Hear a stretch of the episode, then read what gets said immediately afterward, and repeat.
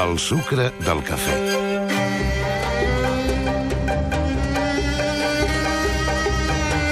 Ja fa temps que els secs de Barcelona van fer notar a l'Ajuntament que la reforma del Passeig de Gràcia els ha deixat de banda.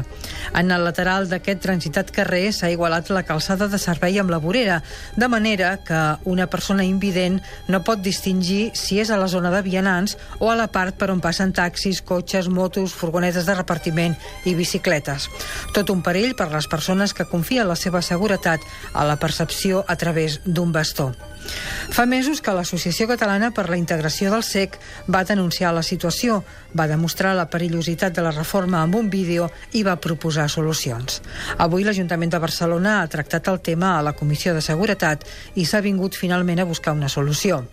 Els mateixos invidents proposen que es posin botons rugosos a tot el trajecte, però de moment els tècnics municipals ho estan estudiant. Barcelona és una ciutat inclusiva i accessible, preparada per les persones amb alguna discapacitat.